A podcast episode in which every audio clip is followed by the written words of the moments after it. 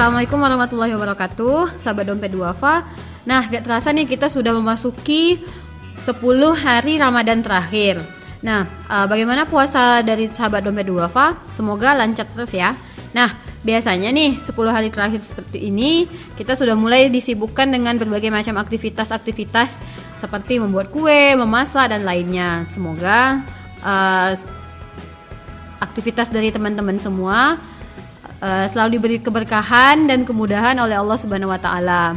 Nah, sahabat, hari ini kita ketemu lagi nih di Ngobras, ngobrol santai, ngobrol bermanfaat. Hari ini kita akan menyapa atau bertemu dengan Dr. Gigi Yesi Marianti. Beliau adalah volunteer spesialis dompet duafa. Nah, hari ini kita akan membahas tentang tips menjaga kebersihan gigi dan mulut saat berpuasa. Nah, apa aja sih tips-tipsnya? Mari kita dengarkan sama-sama.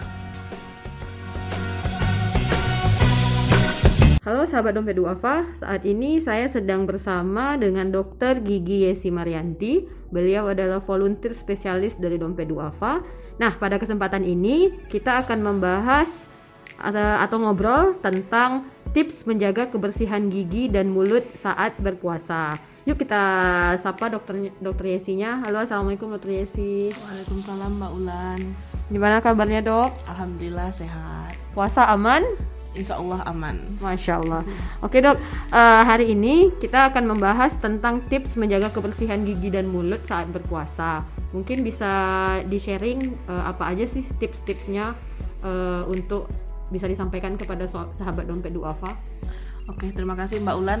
Uh, sebelum sebelumnya saya mengucapkan terima kasih kepada Dompet Duafa udah mempercayakan saya untuk memberi sedikit tips-tips selama bulan Ramadan. Sel yang mana tips-tipsnya untuk selama bulan Ramadan ini kan kita sama tahu nih kita lagi puasa. Itu kita kan udah nggak ada minum, nggak ada makan, otomatis kan ke mulut kita kan kering. Hmm. Nah, di situlah salah satu untuk menjadikan mulut kita bau. Okay. Uh, uh, jadi di sini kita disarankan untuk kita untuk sahur dan buka itu dibanyakan untuk minum air putih. Oh, buat banyak minum ya, dok? Nah, untuk banyak minum. Nah, untuk uh, kan di sini dokter gigi kan menganjurkan untuk sikat gigi itu kan dua kali sehari. Iya. Uh, sedangkan biasanya kita sikat gigi itu setiap mandi. Yang hmm. sikat gigi yang ba yang baik dan benar itu di waktu di apa di sikat giginya itu pada saat sahur, setelah yeah. sahur nih. Hmm. Terus habis ini sebelum tidur. Kalau hari biasa kita kan sikat giginya pagi setelah sarapan dan sebelum tidur. Hmm. Jadi kita ganti polanya aja gitu. Oh, Oke. Okay. Jadi uh, tetap dua kali sehari, mm-hmm. tapi setelah sahur sama, sama sebelum, sebelum tidur. tidur. Nah, kalau hari biasanya kan setelah sarapan sama sebelum tidur. Hmm. Nah, juga di sini kadang kan banyak nih keluhan dari pasien datang uh, dok gigi saya kok nyilu kok ini kok udah bersih udah sikat gigi tapi kok masih banyak karang giginya gitu kan hmm. nah karang gigi ini kan juga salah satu penyebab bau mulut nih hmm. mungkin pada saat disikat gigi kita kan udah lah mau bersih kita hmm. kuat-kuat nih hmm. sikat giginya kuat-kuat nah hmm. itu bikin gigi kita terkikis makanya jadinya ini apa nyilu gitu oh gitu jadi ngilu itu bukan karena berarti makan sesuatu yang dingin atau apa itu berpengaruh nggak sih dok? Uh, untuk awalnya sih enggak, hmm. uh, cuma karena kita cara penyikatan gigi kita yang salah, hmm. uh, itu jadi pengaruh. Oh. Gigi yang terlalu kuat itu nggak bagus gitu. Jadi sebenarnya uh, cara untuk uh, mensikat gigi yang yang baik dan benar itu termasuk salah satu tips untuk menjaga kebersihan gigi dan mulut ini ya dok ya. Iya. Nah uh, kalau misalnya untuk e, cara menyikat gigi yang baik mungkin bisa disampaikan sedikit dok seperti apa e, caranya? Oh ya untuk cara sikat gigi yang baik itu untuk bagian depan kita itu kita gerakkan atas bawah atas bawah. Hmm. itu perlahan perlahan aja nggak usah kuat kuat gitu. Untuk bagian samping itu juga maju mundur kalau kita kan semuanya nih maju mundur maju mundur nih sekeliling. Terus buku untuk bagian dalam, bagian dalam di, di dalam sampai bagian depan giginya kita congkel arah keluar. Sama juga dengan atas juga. Terus bagian di atas permukaan gigi kita nih, bagian untuk on, gigi atas sama gigi bawah yang beradu hmm. itu kita maju mundur tapi pelan-pelan. Nah bisa juga kita sikat gigi ini dengan cara bulat-bulat, bulat-bulat, bulat-bulat, bulat-bulat itu hmm. sekeliling gitu.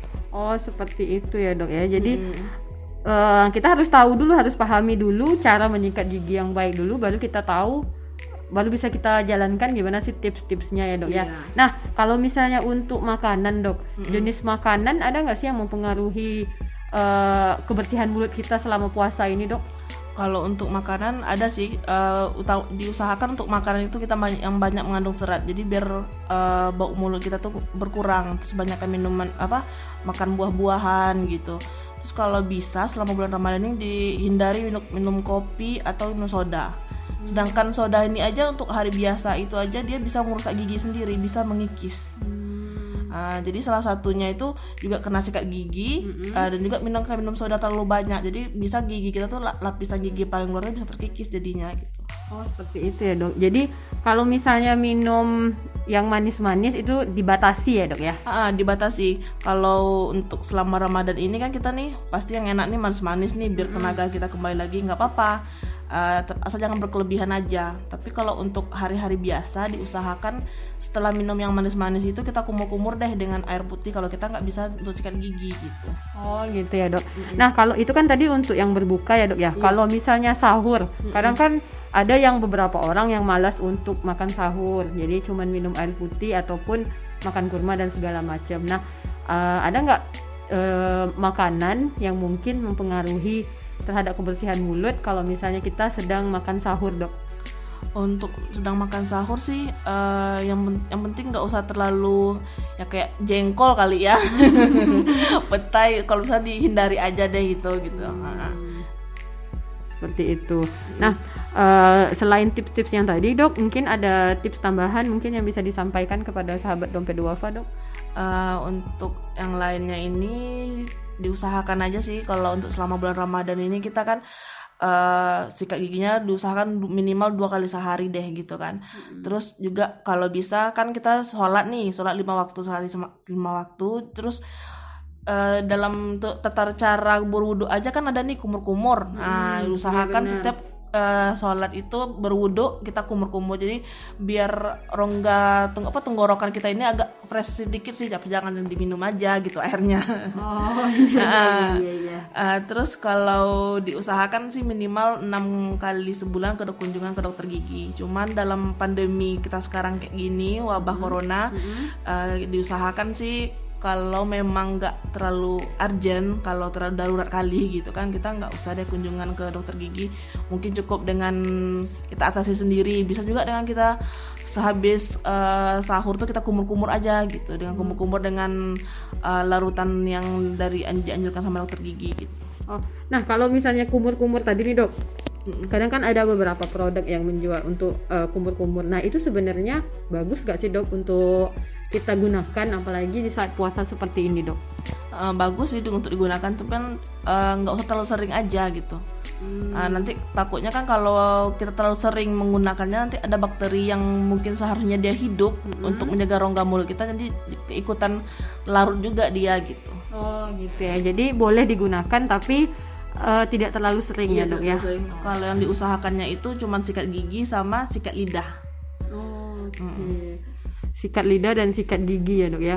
Nah, eh, s- nah mungkin ada pesan-pesan yang bisa disampaikan ke eh, ke sahabat dompet duafa dok untuk bagaimana sih eh, tetap menjaga kebersihan gigi dan mulut untuk saat ini.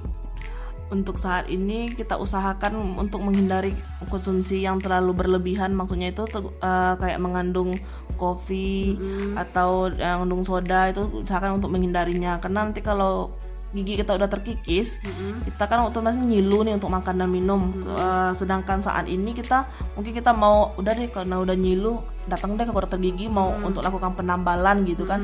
Cuman kan sekarang di saat pandemi ini kita kan nggak udah di disarankan untuk nggak mengunjungi dokter gigi. Jadi kalau bisa sih untuk yang hal-hal yang merusak gigi dihindari sih seperti itu. Oke.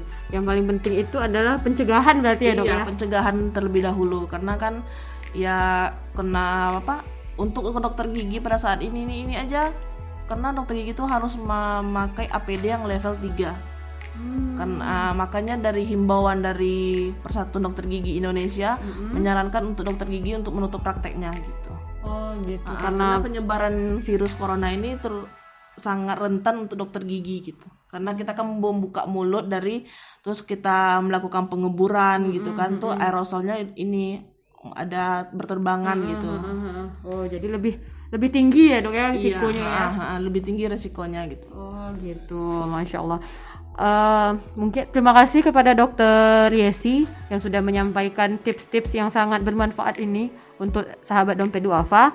Nah, mungkin uh, bagi sahabat dompet duafa yang memiliki saran untuk membahas tema berikutnya, silahkan komen di kolom komentar. Insya Allah akan kita bahas di pertemuan berikutnya.